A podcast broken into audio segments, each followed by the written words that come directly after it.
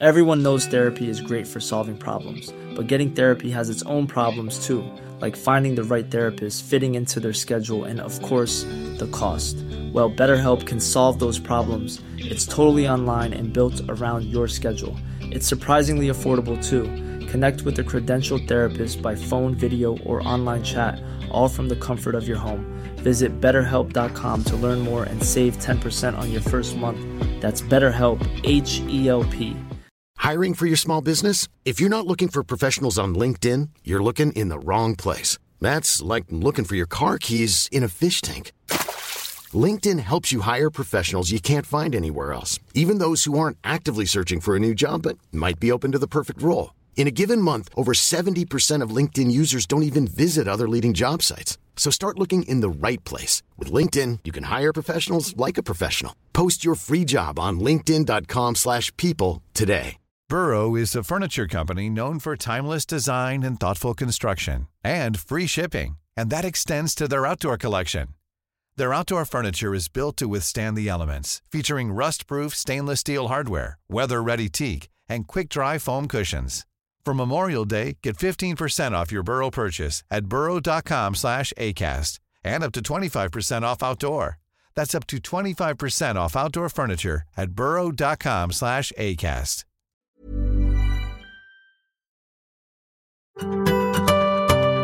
Macradion presenteras av kulander.se. Din personliga mackbutik i Malmö och nu också på Facebook.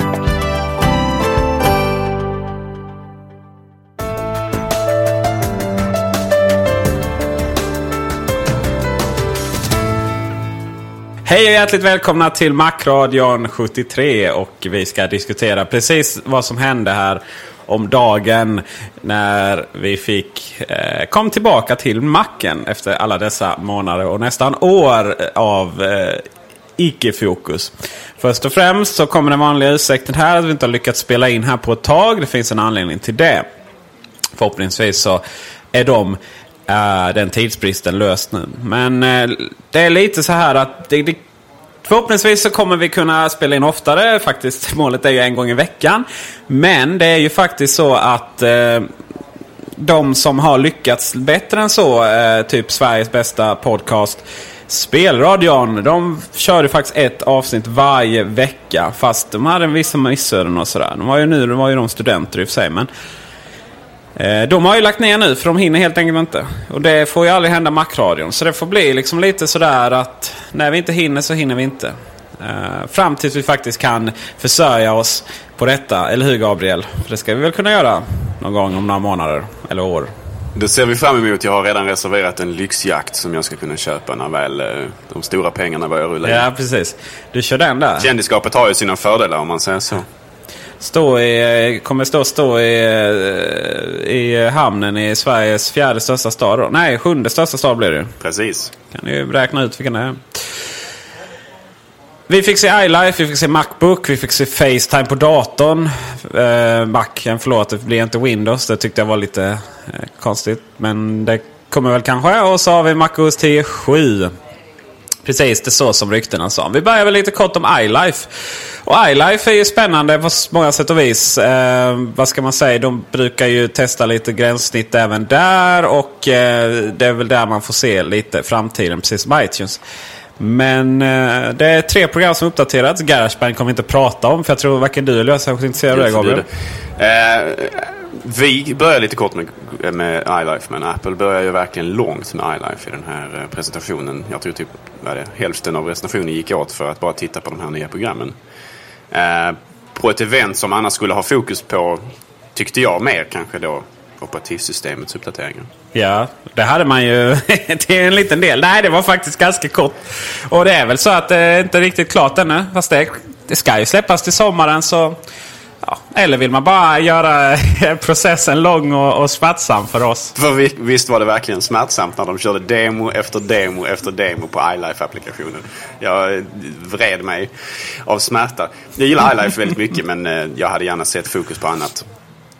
Ja visst är det så. Uh, men om vi nu, uh, ja, vi kan ju börja med iPhoto som var väl det programmet som fick störst förändring. Det är också som också lånade väldigt mycket från iPad. Framförallt då tänket. med, eh, förut har det ju varit väldigt mycket ikoner och knappar utspridda överallt. Nu är det mer eh, saker och ting. Eh, man kan dela foton direkt under, under markerat foto. Kör man i fullskärm så är det ju väldigt, väldigt likt med ikoner där nere i botten, mitten och det svarta gränssnittet.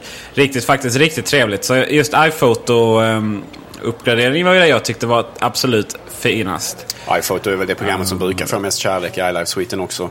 Eh, det är ju helt klart en av de största säljande punkterna för Macen och ur iLife-sviten. Alltså det är ju helt klart det mest ja, populära programmet. För att digitalfotografi det angår i princip alla.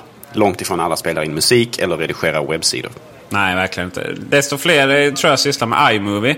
Och iMovie har ju alltid varit lite av ett... Eh, ja, vad ska man säga? iPhoto nu eh, har ju sett likadant ut hela tiden. Men eh, samma tänk och så vidare. Nu har man fått fullchansläge. I och för sig va, då, då det ser lite annorlunda ut. Men det är ändå, eh, det är ändå hyfsat eh, man känner igen sig. iMovie däremot det förändrade de ju helt. För tre versioner sedan måste det varit. Fick ju jättemycket kritik från början. Jag gillade det. För det var precis så jag jobbar. Men eh, men, men eh, många gjorde det inte. Sen blev det en förbättring med iMovie eh, 09. Ja. Precis, det var 08 eh, som var det har... nytänket så att säga.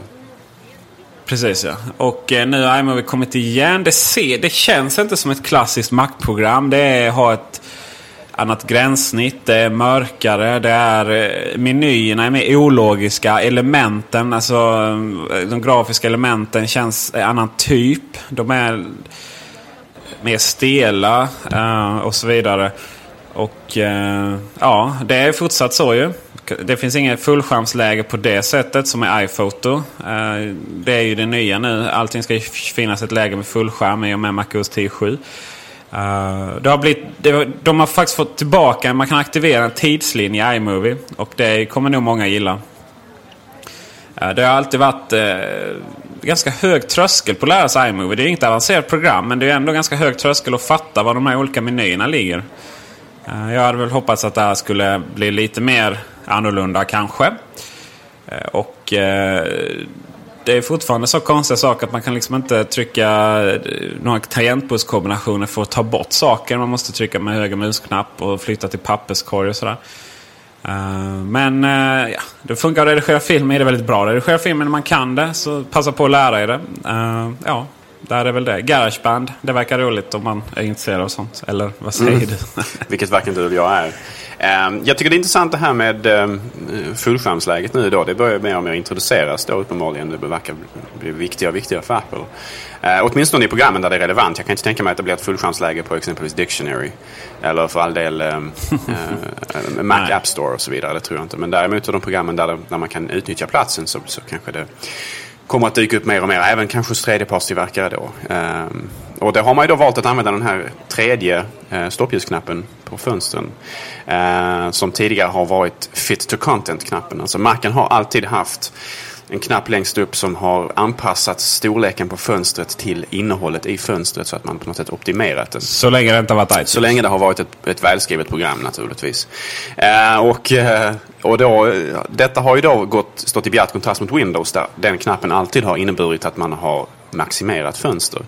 Eh, och jag vet att många som har bytt från Windows till Mac har klagat över, beklagat sig över eller tyckt att det känns lite konstigt att man inte kan trycka på knappen där uppe längst upp till höger av dessa tre knappar för att just maximera fönstret. Um, och då har man alltid fått förklara att man använder musmarkören och, och, drar ut fönstret i, den här, liksom, i hörnet där längst ner till höger och så vidare. Men det har aldrig riktigt varit lika uppskattat från de som är vana vid the Windows way så att säga. Uh, och nu har då Macen alltså bytt helt enkelt till Windows sätt att göra det istället. Eh, kan man säga eftersom vi nu har fått eh, ett fullskärmsläge. Man tar det kanske ett steg längre i och med att man plockar bort all, all krom från operativsystemet och bara kör helt i fullskärm istället för att bara maximera fönstret. Men det, det, det är en funktionalitet som mer överensstämmer med det som Windows-användare är vana vid när de byter till Macen. Och ärligt talat en ganska logisk. Jag har aldrig liksom fattat det där. Vissa program anpassar sig men Safari har jag aldrig riktigt fattat vad egentligen den anpassar sig till. Känns som att det bara går mellan två lägen. Ja, alltså Safari har väl inte alltid fungerat optimalt heller. Många, många program, även Apples egna, har ju inte alltid fungerat just vad gäller att den gröna knappen, eh, att, att den ska vara optimerad för det. Men tanken är som sagt att det ska anpassa sig till innehållet.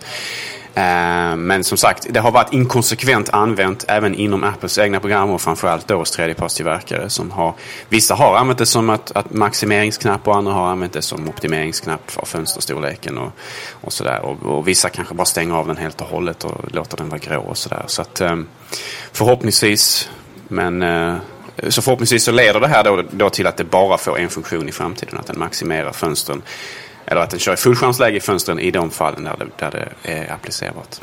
Just så. iWeb hände ingenting med så vitt vi vet. Det kanske, de kanske har tweakat det sådär. Jag har inte ens startat igång det. Eh, det ja. Sen före iWeb så har det hänt rätt mycket på internet. Vem som helst kan starta en enkel Wordpress-sida. Och det är ju faktiskt så man ska göra webbsidor idag.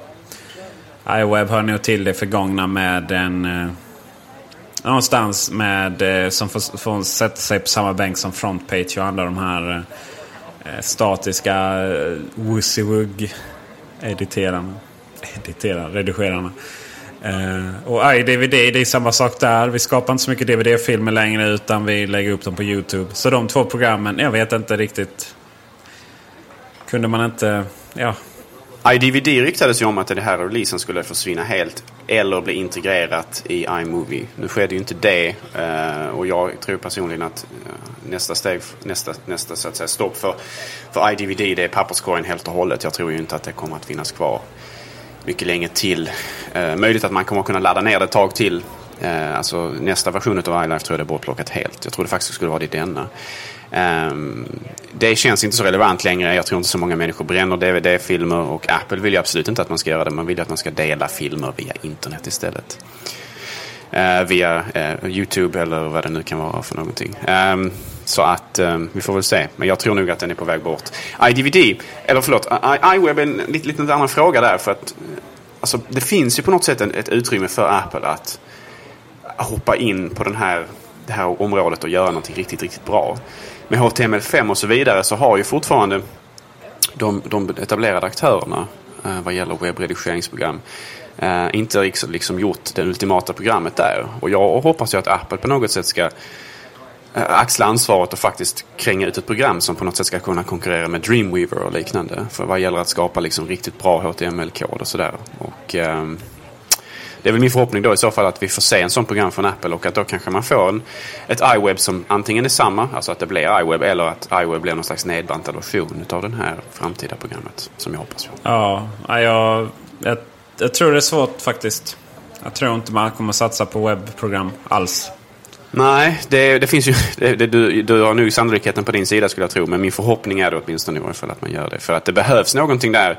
Man behöver liksom pusha HTML5 och, och, och Adobe har än, än så länge inte har liksom än, än så länge inte ställt sig bakom detta till 100% med mjukvaran. Alltså att, vad gäller att göra program som kan skapa det bra.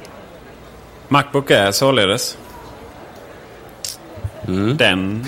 One More Thing-eventets yeah. del så att säga. Billigare. Trevlig. Mindre. Mycket billigare. Eh. Nästan bara förbättringar ja. om du frågar mig. Inte snyggare skulle jag säga.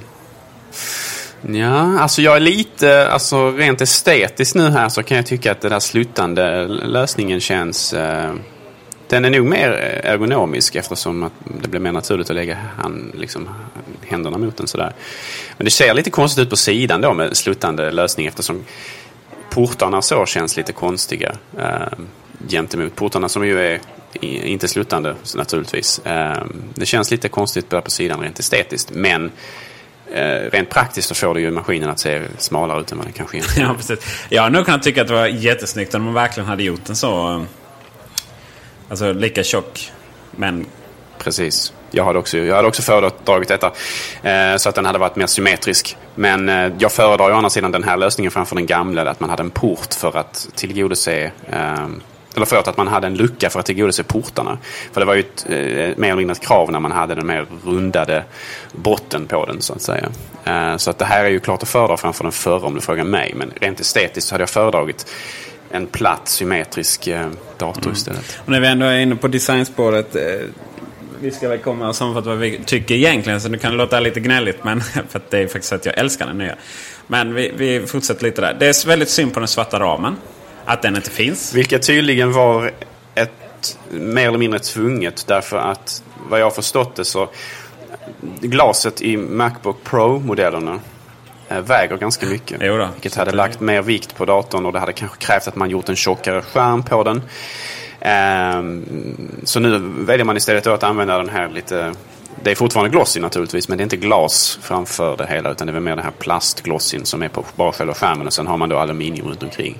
Mm. Det svarta ger en väldigt fin kontrast mot ja, det det på skärmen det i sig. Eh, men det är samma sak som de som köper eh, eh de här anti-glare-skärmarna på vanliga datorer. De vanliga bärbara. Då får man ju heller inte glaset. Utan då får man ju också den här aluminiumramen runt skärmen istället. Och eh, även de ser lite stympade ut.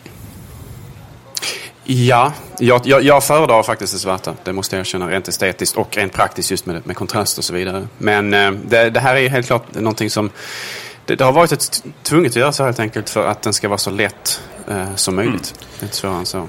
Och så, så tunn som möjligt naturligtvis. Och sen har vi 11-tummaren. Eh, vi har ju, jag har börjat testa dem. Eh, jag har inte fått in min personliga ännu. Jag har köpt den från Apple Store. Eh, och, ehm, för jag var en, någon gång måste jag ta reda på vad de där tre dagarna och de där leveranstiden betyder. Så jag tänkte den här gången ska jag köpa från Apple Store. Jag ska köpa direkt. Annars så föredrar jag att, man köper, att jag köper mina datorer på mitt eget jobb och jag föredrar att alla andra också gör det. Men nu skulle jag göra ett litet test. Och då kan man intressant säga att vad är då en till två dagar på Apple Store? Ja, det vet jag faktiskt inte. Det är antagligen jävligt snabbt för de har dem säkert lager. Men det är ju så att av någon outgrundlig anledning så har de inte lagt på 1000 kronor på alla eh, Macbookar och satt i 4 gig minne i dem. Det borde de ha gjort. Alternativt göra det på de två toppmodellerna av respektive storlek. Eh, men för det är nämligen så att man måste ha 4 gig minne i de här. Det, det, så är det. Och ehm, då satte jag in det och då blev leveranstiden tre dagar. Eller ja, vad de kallar byggtid egentligen. Och tre dagar kan jag avslöja då är från 20 eh, oktober. Och leveranstiden då sattes till 1 november. Så då står det då eh, byggtid tre dagar. Det är lite mer tydligt. Man får leveransbekräftelsen. Byggtid tre dagar och leverans den 1 eh, november. Ja. Precis. Uh, så att så mycket för de dagarna som står på Apple Store. Hur som helst, uh, den har inte kommit än uppenbarligen. Så jag har inte liksom kunnat testa den jättemycket ingående. Men jag har ändå hunnit sitta med båda, uh, båda mackarna.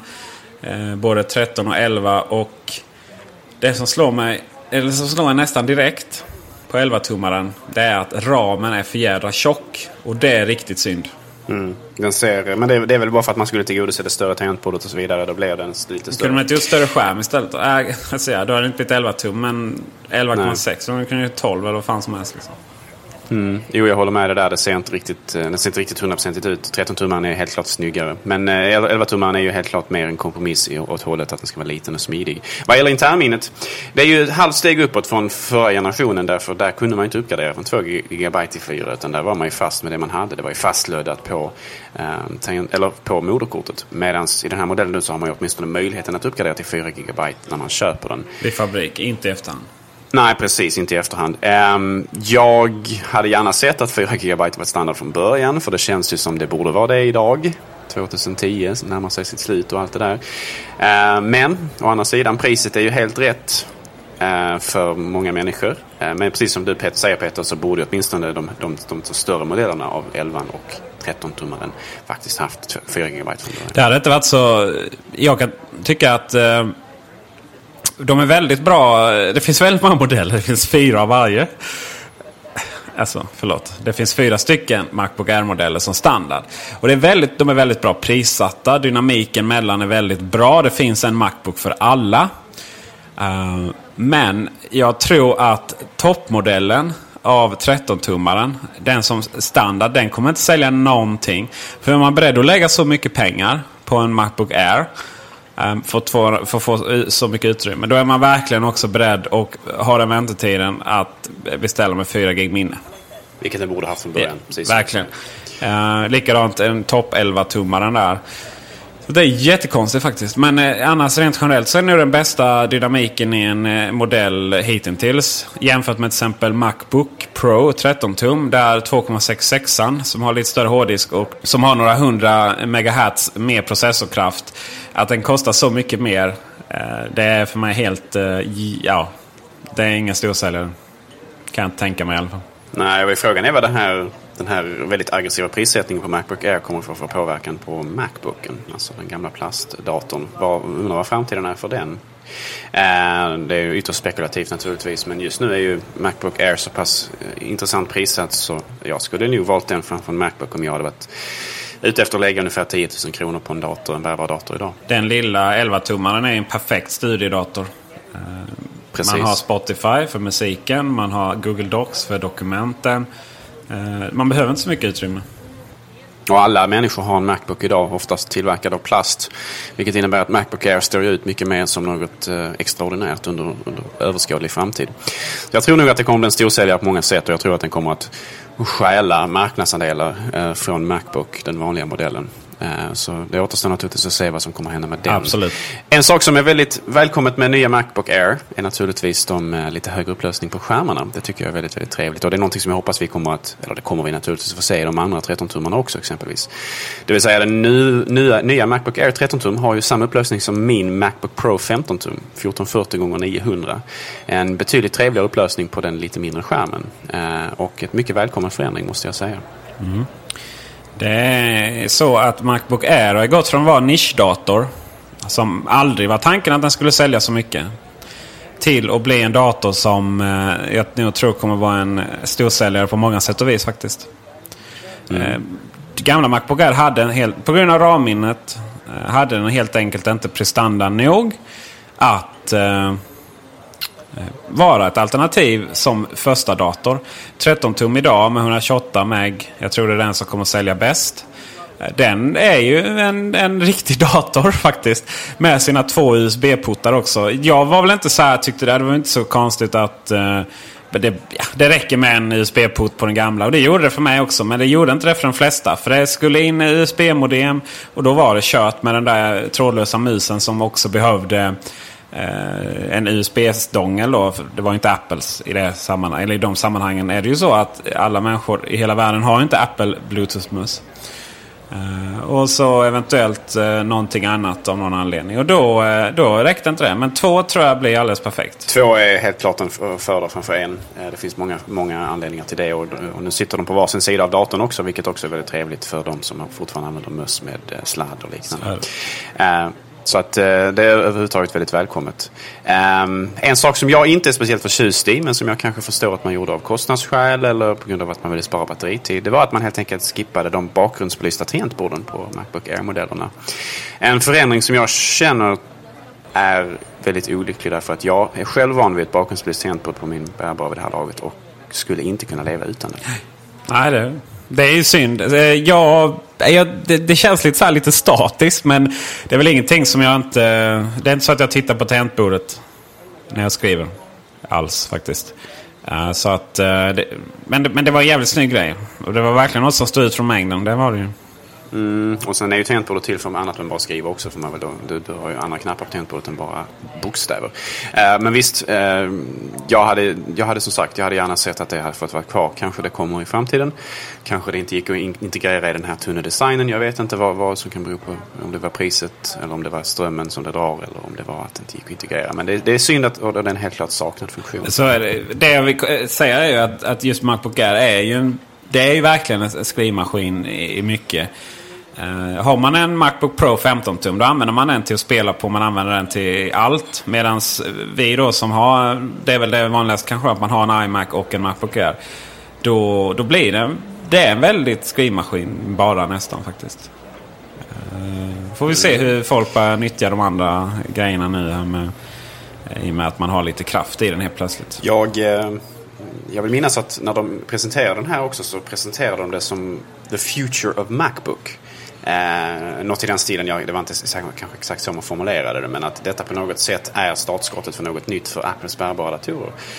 Eh, och jag hoppas ju verkligen att nästa generation eh, Macbook Pro faktiskt går lite i riktning mot Macbook Air vad gäller att den skippar DVD och CD-läsaren exempelvis. Jag hade gärna sett en eh, par millimeter tunnare maskin. Eller en maskin med kanske lite snabbare processor eller vad som helst i utbyte mot att man slipper den i nästa version. Så det, det, det, är säkert på gång också kan jag tänka mig. Absolut. Frågan är om inte MacOS 10 kommer med USB-minne. På USB-minne. Ja, nu har du precis. Nu, du, I med Macbook Air nu så fick man ju det på en sån här um, på ett, eh, på ett sånt här minne till USB som man kan få att eh, återskapa MacOS 10. Man fick inte det på CD längre. Eller man fick inte det på CD med Macbook Air. Och det kommer säkert att vara samma sak för um, de andra datorerna när de väl skippar DVD-läsaren också. Eh, och då är frågan naturligtvis om MacOS 10 kommer att, som du säger, hur det kommer att se ut i kartongen. Kommer man att få det på ett, ett, ett flashbaserat minne eller kommer man att få det på DVD som man har det idag? Eller kommer det att ja, eller så kommer det att vara distribuerat digitalt av internet, vem vet? Ja, det är också ett alternativ. Det är, det är ju det slut, det är ju slut, ändlösning så att säga. Det, är det slutgiltiga. Det är det som det kommer vara i, i, i, i, framtiden så att säga. Det måste vara det man strävar mot för all mjukvara istället för att skicka, skeppa det i fysisk hårdvara så att säga. Ja, och det gör de ju verkligen. Men innan vi ska komma in på App Store så tänkte jag att vi skulle diskutera Facetime. Och eh, det var ju en, en liten app. Eller förlåt, en liten ett litet program som inte gjorde så mycket mer än att visa det det ska göra. Eller vad man ska kalla det. Vad jag vill komma till är att det var ju inte iChat i alla fall. Nej, precis. Och det är lite förvånande ändå att det blev ett fristående program snarare än att man integrerade det i iChat. Eh, frågan är vad som väntar de här två programmen nu. Är det, en, eh, är det alltså att de kommer att leva sida vid sida med varandra eller innebär detta slutet för iChat? Eh, och att eh, Facetime kommer att ta över? Eller innebär detta bara att Facetime för tillfället är fristående och kommer att integreras i iChat? Eller föds det ett tredje program med, med dessa funktioner tillsammans? Ja, det är svårt att säga. Men jag, jag, det känns lite konstigt att, att det är ett fristående program med tanke på att den borde integrerats i iChat. Men eh, det är, det är, jag tror det är ett fristående program. Jag tror det handlar väldigt mycket om att uh, Apple vill ju såklart... De styr ju den infrastrukturen med Facetime. Hur man kopplar upp mot mm. varandra. Antingen via telefonnummer mellan iPhones eller via sitt Apple-ID är det väl man använder. iChat styrs ju av... Eh, AOL. Just det, jag höll på att säga Yahoo. Uh, och de, de kan ju inte styras så jättemycket med... Ja, vi som har Mobile Me-konton och .mac-konton. Vi... Uh, kan ju ha lite så här krypterad kommunikation och så. Men, det är ju, men mellan andra så är det ju inte det. Jag tror att Facetime är att det, att det är i så fall det som kommer byggas ut. Med kanske eventuellt textchatt då. Mm, det är mycket möjligt och i så fall så är det, vore det väl kanske önskvärt. Eh, Apple gillar ju att kontrollera tekniken bakom sina lösningar i den mån de kan. För att man inte ska behöva vänta på en tredje part ska uppdatera standarden och så vidare. Så att, eh, det skulle inte förvåna mig alls om Facetime är startskottet för något alldeles nytt och en, eh, en, en ny vision av hur den här sortens kommunikation ska ske. Så är det. Och att det även kommer att inkludera naturligtvis text. iChat var ju väldigt, det kom men man kunde lägga på bakgrunder och det var jätteroligt. Funkade aldrig särskilt bra men det fanns massa sånt lullull. Och det, det var ju kul när vi satt och testade mellan datorerna men eh, Facetime är ju någonting mer Hiring for your small business? If you're not looking for professionals on LinkedIn, you're looking in the wrong place. That's like looking for your car keys in a fish tank. LinkedIn helps you hire professionals you can't find anywhere else, even those who aren't actively searching for a new job but might be open to the perfect role. In a given month, over 70% of LinkedIn users don't even visit other leading job sites. So start looking in the right place. With LinkedIn, you can hire professionals like a professional. Post your free job on linkedin.com slash people today.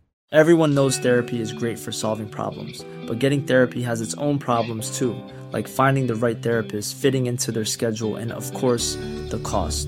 Well, BetterHelp can solve those problems. It's totally online and built around your schedule. It's surprisingly affordable too. Connect with a credentialed therapist by phone, video, or online chat, all from the comfort of your home. Visit betterhelp.com to learn more and save 10% on your first month. That's BetterHelp, H E L P. Burrow's furniture is built for the way you live. From ensuring easy assembly and disassembly to honoring highly requested new colors for their award-winning seating, they always have their customers in mind. Their modular seating is made out of durable materials to last and grow with you. And with Burrow, you always get fast, free shipping. Get up to 60% off during Burrow's Memorial Day sale at burrow.com slash ACAST That's burrow.com slash ACAST. burrow.com slash ACAST. Since 2013, Bombas has donated over 100 million socks, underwear, and t-shirts to those facing homelessness. If we counted those on air, this ad would last over 1,157 days. But if we counted the time it takes to make a donation possible, it would take just a few clicks. Because every time you make a purchase, Bombas donates an item to someone who needs it. Go to bombas.com slash ACAST and use code ACAST for 20% off your first purchase. That's bombas.com slash ACAST, code ACAST. When you need mealtime inspiration, it's worth shopping Kroger, where you'll find over 30,000 mouthwatering choices that excite your inner foodie. And no matter what tasty choice you make, you'll enjoy our everyday low prices, plus extra ways to save, like digital coupons worth over $600 each week. You can also save up to $1 off per gallon at the pump with fuel points. More savings and more inspiring flavors make shopping Kroger worth it every time. Kroger, fresh for everyone. Fuel restrictions apply. Seriöst, kan man använda det ordet? Det är ju någonting eh, som ska användas i vardagen. Det är någonting som ska vara jättegulligt när man är ute i, eh, och krigar i Afghanistan och vill ringa hem till sin eh, eh sambo och, och nyfödda dotter man aldrig har träffat. Eh, och så vidare och så vidare. och så vidare. Eh, Medan iChat var ju väldigt någonting mellan oss Mac-användare som bara var väldigt roligt. Kanske sådär. Jag tror, jag tror framförallt att, att eh, Facetime har långt mycket mer potential att nå ut liksom till alla människor. Eh, på ett sätt som AOLs standard för textchatt framförallt då naturligtvis inte har. Eh, det är helt enkelt så att vi har ett splittrat landskap vad gäller IM-tjänsterna idag. Det är Yahoo som du pratar om, det är MSN, det är AOL, det finns Googles Talk och så vidare. Alltså det, det finns en fragmentering där som, som inte har på något sätt eh, nått en standard man kan komma överens om där alla kan interagera med varandra. Eh, och det är olyckligt för att eh, då helt plötsligt så har man kompisar på MSN i det här landet som inte har förstått bättre. Då kan man liksom inte chatta med dem på något smidigt sätt, åtminstone inte via iChat utan då måste man installera någon sån här audium player och liknande. Jag tror du, du, du har väl inte kvar några MSN-vänner dock? Nej, nej, jag har naturligtvis sagt upp bekantskapen om dem genast. jag, jag har inte MSN på min dator, nej, så jag, jag, jag chattar inte med dem där. Men däremot har jag inte satt upp bekantskapen med dem i verkligheten såklart. Eller det, du kanske har det som krav att antingen så är man AOL-ansluten eller så är man inte kompis med dig på riktigt. ja, på riktigt kan man vara. Men eh, man kan uppenbarligen inte prata med mig på uh, via chatt. Facebook håller ju på att ta över det där lite grann för Absolut. min del åtminstone. För där, där har ju där har liksom människor ändå på något sätt uh, ofta möjlighet att man kan chatta, textchatta med dem. På, det kan man. Man kan koppla in Facebook på iChat också väldigt enkelt. Mm, det kan man. man dock alltid online även på Facebook. Vilket kan vara lite jobbigt ibland.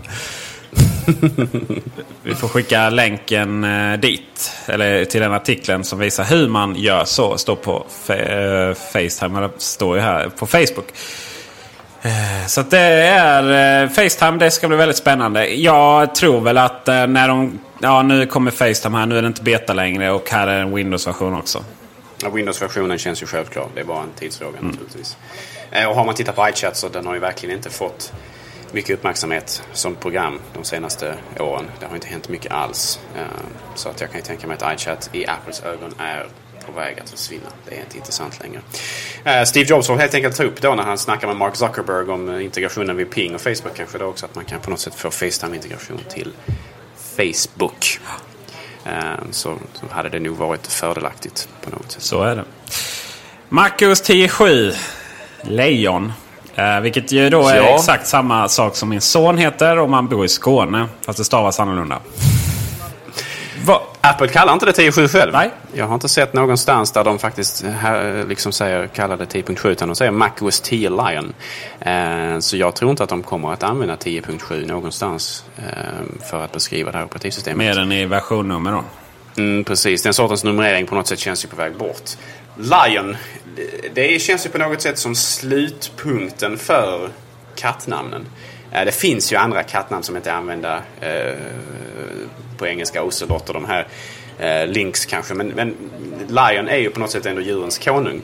Eh, och därmed så kanske det är sista MacOS 10, eller MacOS, som är namngivet efter kattdjur. De måste nog hitta något nytt i framtiden vad gäller att namnge MacOS, MacOS 10 eller MacOS 11 eller vad de nu kommer att döpa det till. Jag tror inte 11 låter konstigt. Det här, eh, den här versionen kommer ju leva väldigt länge också. Eh, man kan anta att koden är så optimerad från Snow Leopard och så mycket nya funktioner. Eh, alltså ytterligare något dashboard, ytterligare något sånt här. Det kommer ju inte utan det är väl snarare väldigt hårda gränssnittsförändringar istället. Mm, kanske. Det får vi se. Uh, tänkte bara prata om App Store. Det är ju jättebra. det är ju fantastiskt faktiskt. Trevligt. Varmt välkommet. Så länge det inte är enda, enda, enda sättet att få in program på macken så är det verkligen en förändring som jag välkomnar. Och det kommer det inte vara. Det, det, är, ju, det är ju bara löjligt att tro det. Jag menar, ska då ska Steve Jobs Eh, eller förlåt, ska Apple helt bara utesluta Microsoft och Adobe och alla program som de är beroende av? Det kommer ju inte hända. Nej, jag tror inte det heller. Men, men alltså, jag säger det med förutsättning att, mm. att de inte gör det till det enda, enda sättet att installera program på Macen så är det en otroligt välkommen förändring. Eh, men samtidigt så är det naturligtvis helt klart ett steg i riktning mot att göra Macen mer sluten. Men inte nödvändigtvis på något negativt sätt. Därför att just vad gäller att installera program, speciellt för människor som är nya, nya till datorer, nya till Macar så är hela den här saken med att öppna diskfiler och liksom eh, dra och släppa programikoner eller för, för all del köra installationsprogram. Det känns ju väldigt, väldigt eh, för mig som, som, som van användare känns det arkaiskt och för, för nya användare så känns det väldigt förvirrande. Så att jag välkomnar verkligen... Mm. Du, eh, nu får du nog slå upp ordboken här. Vad sa du precis? Arkaiskt? Arkaiskt. Alltså det känns alltså primitivt. Ja, ja. Ähm, att, det, att det inte känns liksom modernt och, och, och liksom användbart. Förstår du vad jag mm. menar? Alltså det, det, man, det, det, är för många steg för att installera ett program. Det är för, komplicerat uh, och inelegant. Om du så. Sorry, alltså, iOS har ju verkligen satt eh, fingret på, på många saker som är ganska omodernt i vårt nuvarande system. Jag tänker, eh, om vi hoppar lite här. Eh, vi har Launchpad, det vill säga egentligen hemskärmen från iOS. Kommer till macken. Man har docka med sina favoriter. Sen har man Launchpad och där har man sina program. Och, och, det är det man har. Jag, jag tror att, eh, att man... Eh, nu kommer ju Finden fungera precis likadant som den alltid har gjort här i, i 10.7 eller Lion. Men eh, jag tror någon fra, version framåt sen så är det nog så att ska, får man nog välja att antingen så kör man det klassiska sättet, filhanteringen och sådär som vi alla känner. Men för den vanliga dödliga användaren som packar upp sin Mac så kommer man ha sin docka och man kommer ha sin Launchpad. Och det är ungefär det man har. Filen, eh, dokumenten kommer ju ligga såklart i programmen. Launchpad är ju egentligen inget annat än en glorifierad version av att man stoppar ner sin programapp i dockan och klickar där på den för att få upp den som ett grid view som det heter.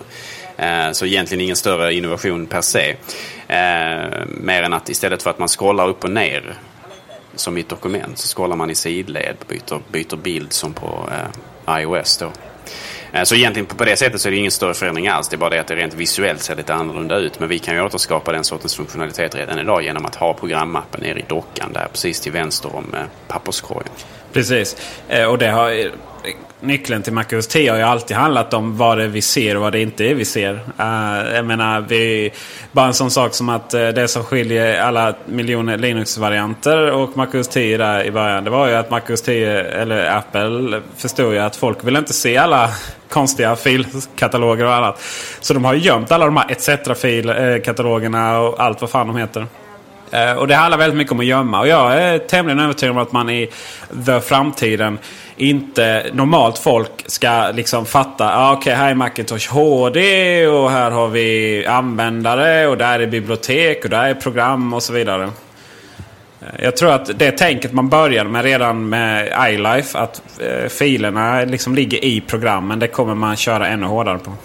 Tror jag också. Jag tror att eh, det kommer ske en, alltså en, en eh, Eh, Finder kommer att bli allt mer irrelevant. Och även det här med mappsystem och så vidare. Att man gör det, att man arbetar med det fysiskt på någon annan plats så att säga. Precis. Sen kommer det ju alltid för oss uh, som för oss, alltså mer, vad ska man kalla det, som använder det i professionell verksamhet. Vi har våra bildbibliotek, eh, vi har, alltså en reklambyrå har ju miljoner filer överallt. Det är klart att de måste kategorisera upp det och det är klart att de måste ha det traditionella filsystemet. Men Macken riktar sig faktiskt inte bara till reklambyråer längre. Eller, eller filmstudios. Utan den riktar sig faktiskt framförallt till hemanvändare. Och de, ja, de vill ha sina program där nere. Och eh, lite mindre viktiga program vill de dela upp i eh, lite eh, mappar i, i sin launchpad eller motsvarande hemskärm. Det kommer ju vara riktigt häftigt. Redan idag så kommer det folk säga ah, men jag har en iPhone. Jag tänkte det verkar ju väldigt, det är väldigt enkelt. Jag tänkte att Macen är väl också ganska enkelt. Och det är det ju. Men det är ju en helt, det är ett helt annat paradigm.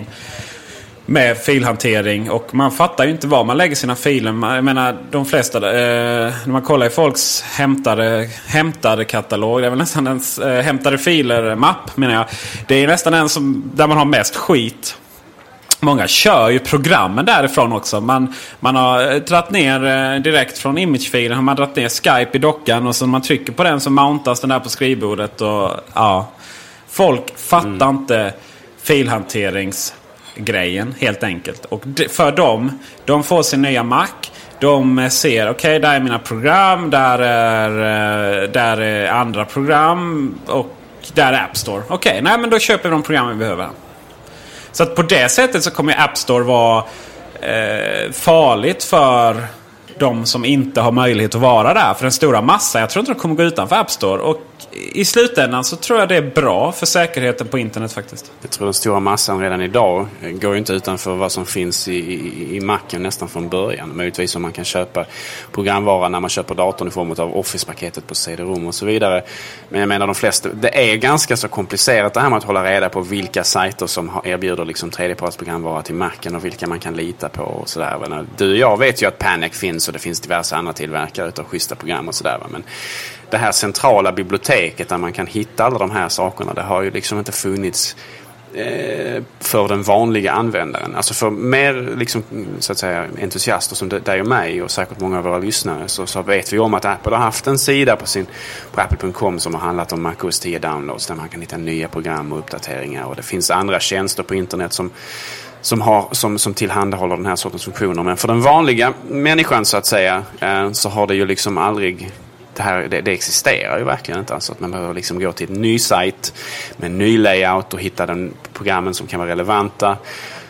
Och liksom eh, eh var man köper dem, hur man köper dem, hur man betalar för att köpa dem, hur man laddar ner dem, hur man installerar dem. Som alltid har skilt sig åt. Liksom. Medan nu på App Store för Macen då så kommer det helt enkelt att vara centraliserat, enkelt, ett, en betalningsmetod via ett företag man litar på. Man har redan köpt program via app, iPad och iPhone. Ehm, och jag tror att det här kommer att innebära att det kommer framförallt mer program till Macen. Mindre program naturligtvis i många fall. Ehm, mer småprogram som till iPhone och iPad. Ehm, men så, det kommer också innebära att de som väl hakar på här har ju långt mycket större ska man säga, kundbas att nå ut till helt enkelt. Och för de, de utvecklare som anammar den här tekniken så kommer det att innebära mer pengar i fickan i slutändan. Trots att Apple tar 30% av intäkterna. Jo, ja, det kommer ju innebära små utvecklare som har nästan gett upp macken och, och vill satsa på iOS istället. För man vet att det är där pengarna finns. Och det gör de ju först när Apple faktiskt eh, ja, rekommenderar program. Alltså det finns olika sätt att, att bli väldigt uppmärksamma på App Store. Och det kommer vara exakt likadant på på eh, App Store för Mac. Och det är ju så här att gör man ett program som fungerar väldigt bra och ser jävligt snyggt ut. Det är ingen slump att man blir uppmärksammad av Apple. Eh, alls faktiskt. Så att ja, bara man levererar ett program som faktiskt funkar väldigt bra. Och som ser väldigt bra ut. Då blir man uppmärksammad. Och det kommer vara likadant på App Store för Mac. Så jag tror att programmen kommer att frodas. Men många program kommer inte få vara med överhuvudtaget. Till exempel One Password. Uh, jag, det är möjligt att någon kan rätta mig där. Men uh, programmen får väl inte använda insiktsfiler kopplat till några program, andra program alls tror jag inte. Till exempel One Password och sådär kommer inte alls passa då. Uh. Ja, det kan ju stämma. Och även de programmen som typ uh, heter det iStat. De, de, som visar upp typ datorstatistik upp i menylisten och så här. Även de är förmodligen uteslutna från att finnas i Mac App Store. Därför att de har kanske lite de gör, gör saker med systemet för att kunna hålla, hålla sig ajour med det som inte tillåts via de här programutvecklingsnormerna som Apple sätter så att säga. Men de dokumenten är naturligtvis dynamiska också. Apple kommer säkerligen att göra förändringar till det bättre eller till det sämre. Det återstår att se vad gäller just friheten för utvecklare att använda sig av tekniker eh, som, som mer eller mindre går utanför normen så att säga. Men överlag så tror jag att eh, Mac App Store är en, en jättebra idé. Eh, och jag välkomnar den med öppna armar. Däremot så är det lite lustigt för att det var inte så länge sedan, och det minns du precis som jag Peter, att någon mejlade Steve Jobs och frågade just om vi kommer att få se en Mac App Store. Eh, var på Steve Jobs i princip sa nej, det kommer vi inte att få se. Eh, så där ser man ju hur, även, även när han svarar via e-mail så är det inte alltid man kan, eh, som vanligt så kan man inte alltid ta, ta det som han säger på, som en absolut sanning för all tid och evighet. Var inte det mer att ska App Store ersätta Vanlig nedladdning. Var inte det? Var inte så det var formulerat? Jag, nej, alltså jag, jag, jag uppfattade det mer som att han frågade kommer det att komma en App Store till Macen? Och att Steve Jobs eh, sa nej. Mm. Men det är möjligt att det kanske kan vara så också att han frågade om det kommer att ersätta det helt och hållet. Men det, det nej, vi får kolla upp det, det där. Vi, vi får återkomma uh, till det i nästa Macradio. Eller glömma bort det. Mm, det är mycket touch. Launchpaden det är ju... Det touch är ju inget egenvärde i sig. De, eh, Steve Jobs noterade det som vi har sagt så länge. Det funkar inte i skrivbordsdatorer och hålla på och tafsa på skärmen. Däremot så finns det en anledning, och det har vi diskuterat innan. Eh, Magic Trackpad. Skulle den komma till bättre nytta än vad den gör nu? Och ja, uppenbarligen. Launchpad är en sån sak. Det gäller ju att scrolla i sidleds hej vilt där. Jag vet inte hur de ska lösa det med vanliga möss. Är det antagligen går det att trycka på de där prickarna kanske. Eh, han eh, som var lite nervös som visade det. Det var ovanligt. Han, eh, han hade lite problem med att scrolla i sidledes. Ja, alltså Magic Mouse. Eh, det är ingen speciellt bra multitouch mouse. Magic Mouse är grym på vänster och högerklick och scroll upp och ner för vanliga dokument. Och för all del också scroll i sidled dokument, alltså med ett finger. Men när du så fort du ska börja använda multitouch gestures, alltså, alltså du ska använda mer än ett finger. Så blir Magic Mouse långt ifrån optimal för att göra den sortens äh, aktioner. Och därför så är ju den här Eh, Magic Trackpad som Apple har släppt ganska nyligen. Eh, en själv, ett självklart komplement för att inte säga kanske i framtiden ett supplement till musen för en iMac exempelvis. Eh, och jag, det förvånar mig lite grann att han inte använde det vid presentationen istället för att hålla på och trixa med musen för det funkar ju sådär. Om man tittar på det här eventet så ser man ju hur han håller på frenetiskt med fingrarna och försöker få det att fungera. Och det, det tar flera sekunder och det, blir liksom, eh, det, det, det hoppar fram liksom i, i tidsmässigt. Han, han förlorar tid och ber om ursäkt för det och så vidare. Men visst, han, han var ju säkert nervös, precis som du sa. Han har ju inte varit uppe på scenen i Apples sammanhang tidigare vad jag vet. Eh, men samtidigt så kändes det ganska så eh, hackigt. Mm. Mission Control visades också och det är ju det är ytterligare en för, för, vad kallar det? förenkling. Det heter det inte va? Simplify. Jag skulle säga att en integrering, alltså, precis som Apple sa, det är en integrering av flera disparata funktioner till mm. ett. Eh, för att då på något sätt göra det mer kanske överskådligt eller lättare att använda för, för, för människor. Jag själv blev förvirrad av det, tyckte inte det kändes vidare elegant. Och jag är väldigt skeptisk till det faktiskt. Jag föredrar nog Exposé som det var åtminstone som det ser ut idag, alltså Mission Control. Eh, och jag hade nog föredragit att ha Spaces separat. Det är möjligt att vi får det som, ett, ett, ett, som en valmöjlighet. Men det är också möjligt att de sakerna försvinner till förmån för den här mer integrerade lösningen. Jag använder ju inte Spaces alls och jag använder väl inte Dashboard och sådär. Det känns ändå som att det, det var väldigt bra och, och integrera de, alla funktioner igen. Så att ja, det, detta, är, det, detta är sättet man eh, kör eh, mellan olika applikationer oavsett om det är spaces som man kan dra liksom mellan olika fullskärmsprogram. För det är ju där först de verkligen kommer till nytta. Det är ju därför jag aldrig använt spaces i, i normala sammanhang. För jag bara lägger liksom alla fönster i ett. Jag hade fattat varför man använder spaces. Däremot fattar jag väldigt hårt varför man vill använda det i Windows. Men nu när man kör iPhoto fullskärm och sen vill vidare till någonting. Ja, då är det ju fantastiskt. Eh, men uh, samtidigt så kanske jag bara vill köra ut dem på exposé-varianter. Och då, uh, ja, det, jag tycker det är jättesmidigt att samla allting under en och samma funktion, en och samma knapp faktiskt. Jag får eh, reservera min eh, slutgiltiga eh, så att säga, åsikt i frågan tills man har faktiskt provat det på riktigt. Men jag tyckte att det, att det, att det, att det kändes lite rörigt när man ser det. Ja, det är ju så. Det kanske, jag kanske inte alls gillar det. Däremot så tror jag nog att det här med att man integrerar dashboard där känns ju lite bättre. För att just den här tanken med att dashboard ligger som någon slags extra dimension ovanpå som man fäller ner och fäller ner och fäller tillbaka sådär. Det kanske kommer att bli mer använt av människor och kanske kommer att utnyttjas mer om det nu ligger då separat så att man liksom scrollar vänsterut så att säga för att få fram detta eh, i den här miljön. Men vi återstår att se hur det slutligen kommer att fungera och hur det kommer att bindas till olika knappar på tangentborden och så vidare. Just idag så har ju både Dashboard och Exposé separata knappar på hårdvaran. Mm. Eh, och det återstår att se hur Apple integrerar det så att säga med, med den här nya, de här nya mjukvarulösningen. Eh, Frågan är om man inte kommer integreras Uh, ah, nu står still i huvudet. Längst ut till höger så har vi något som heter Spotlight. Just det. Frågan är om man kommer integrera Spotlight i det där också. Att man alltid var nära till Spotlight. Spotlight är nog framförallt en framtiden för, eh, för, för den Finderlösa eh, världen så att säga. Som Apple nog helt klart väntar sig att vi ska få se. Att man söker sina program eller sina filer istället för att hitta dem i mappar och sådär. Men, men Spotify har inte, har inte, har inte hänt så mycket med, med, med Spotify, Spotlight eh, sen, sen det dök upp så. Så att vi får väl se vad de har för, för planer där mm. helt enkelt. Det är ju problem med Spotlight är ju att det visar sig så jävla mycket skit. Så är det naturligtvis. Men sen så kan man ju å andra sidan eh, man kan ju exkludera mappar och så vidare från Spotlight eh, i inställningar. Jo, jo, men allting handlar ju om vad vanligt människor gör. Och eh, jag tror att Apple vill styra upp det där bättre. tror jag också. Vi får se hur de gör. Eh, två saker till som har lånats från iOS till Back to the Mac, som, som Apple säger. Ehm, det är ju först och främst att man inte längre ska behöva spara program. Alltså att, att det autosparar eller till och med att man inte behöver tänka på sparfunktionen längre. I, åtminstone kanske då i Apples program och förhoppningsvis även i tredjepartsprogram. Eh, och det välkomnar jag verkligen för att hela tanken med att liksom ha en sparfunktion det känns väldigt eh, gammaldags och, och onödigt vid det här laget. Så att, eh, det tycker jag känns väldigt, väldigt välkommet. Sen så är det också de som kallas för resumed state. Som Apple har pratat lite grann om. Det vill säga att program som man stänger ner startar i, i, den, i det tillståndet som man stängde dem så att säga igen. Så att de inte startar som ett tabula rasa utan att man startar tillbaks där man var innan man stängde dem. Och, återigen någonting som lånats från iOS. Och, och det eh, eh, fanns ju ursprungligen på iOS därför att det inte fanns någon multitasking där. Så att program helt enkelt stängdes ner. Och det, det finns ju eh, kvar där naturligtvis för att multitaskingen där fortfarande inte gäller alla program. Alltså den stänger ju ner program successivt i bakgrunden allt eftersom man kör fler och fler och så. Och detta letar sig nu tillbaka till macken igen och det, jag, jag, jag välkomnar det också. Jag tycker det känns bra.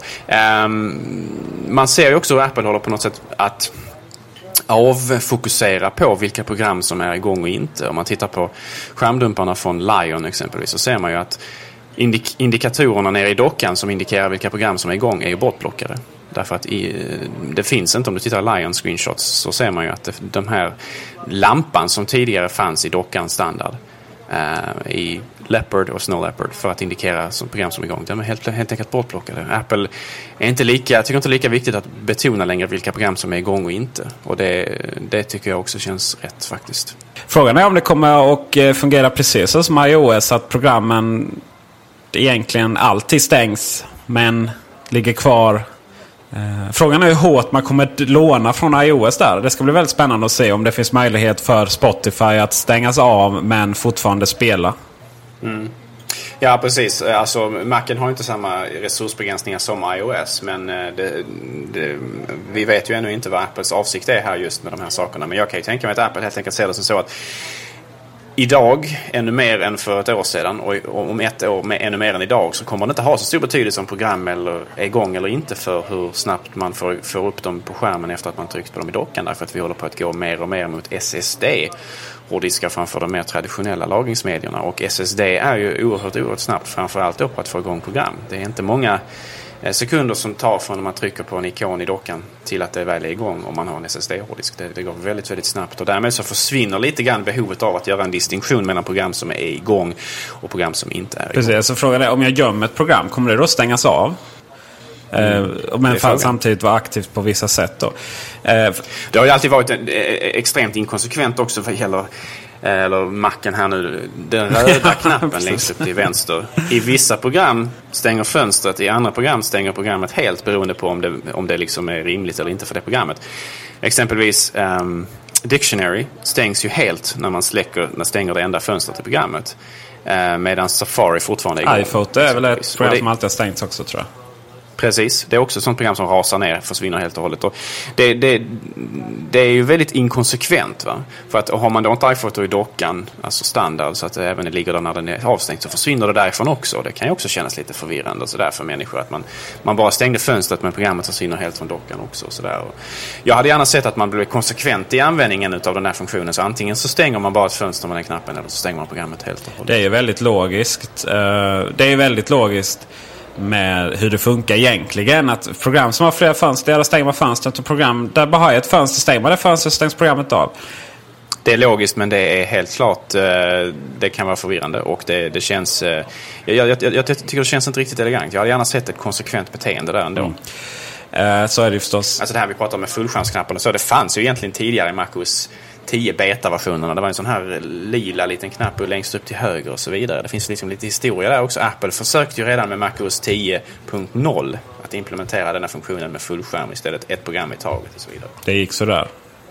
Ja, det, de professionella användarna som ju var kanske Apples bread and butter vid det där laget, det vill säga de som de, som de tjänar mycket pengar på, de var ju väldigt, väldigt missnöjda med detta. Men för vanliga hemmavändare så, så kanske det är mer en, en rätt väg att vandra. Det finns mer saker att diskutera. Kommer, eh, kommer det med funktioner vi inte alls fått sett? Hur är det med molnet? Och när jag menar molnet så tänker jag då framförallt på synkroniserade filer alla Dropbox. Eh, men att det blir mer integrerat. Till exempel om jag då, när jag loggar in på en dator och så skriver jag mitt användarnamn och lösenord. Och så får jag se, se allting där. Kanske inte hela min programbibliotek men ändå alla mina filer och så precis som de, vilken hemkatalog som helst.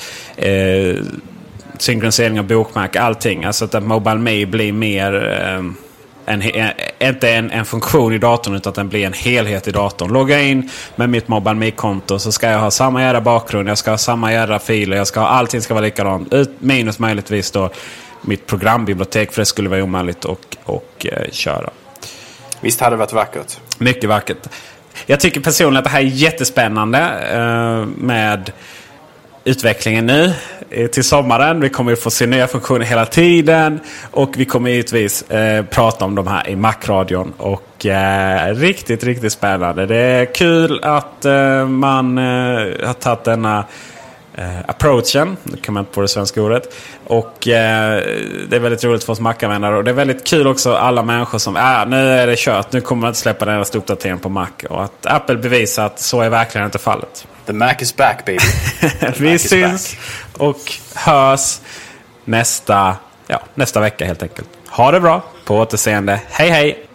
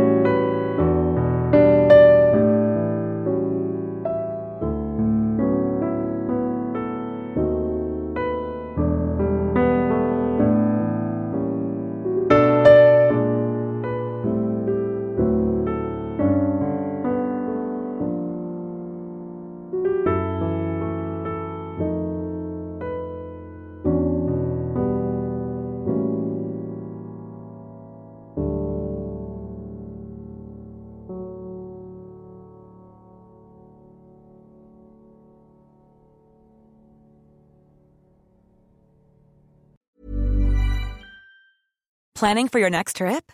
Elevate your travel style with Quince. Quince has all the jet setting essentials you'll want for your next getaway, like European linen, premium luggage options, buttery soft Italian leather bags, and so much more. And is all priced at 50 to 80% less than similar brands. Plus, Quince only works with factories that use safe and ethical manufacturing practices. Pack your bags with high-quality essentials you'll be wearing for vacations to come with Quince. Go to quince.com slash pack for free shipping and 365-day returns. When you need mealtime inspiration, it's worth shopping Kroger, where you'll find over 30,000 mouthwatering choices that excite your inner foodie. And no matter what tasty choice you make, you'll enjoy our everyday low prices, plus extra ways to save, like digital coupons worth over $600 each week. You can also save up to $1 off per gallon at the pump with fuel points. More savings and more inspiring flavors make shopping Kroger worth it every time. Kroger, fresh for everyone. Fuel restrictions apply. For the ones who work hard to ensure their crew can always go the extra mile, and the ones who get in early so everyone can go home on time, there's Granger, offering professional grade supplies backed by product experts so you can quickly and easily find what you need. Plus, you can count on access to a committed team ready to go the extra mile for you. Call, clickgranger.com, or just stop by. Granger, for the ones who get it done.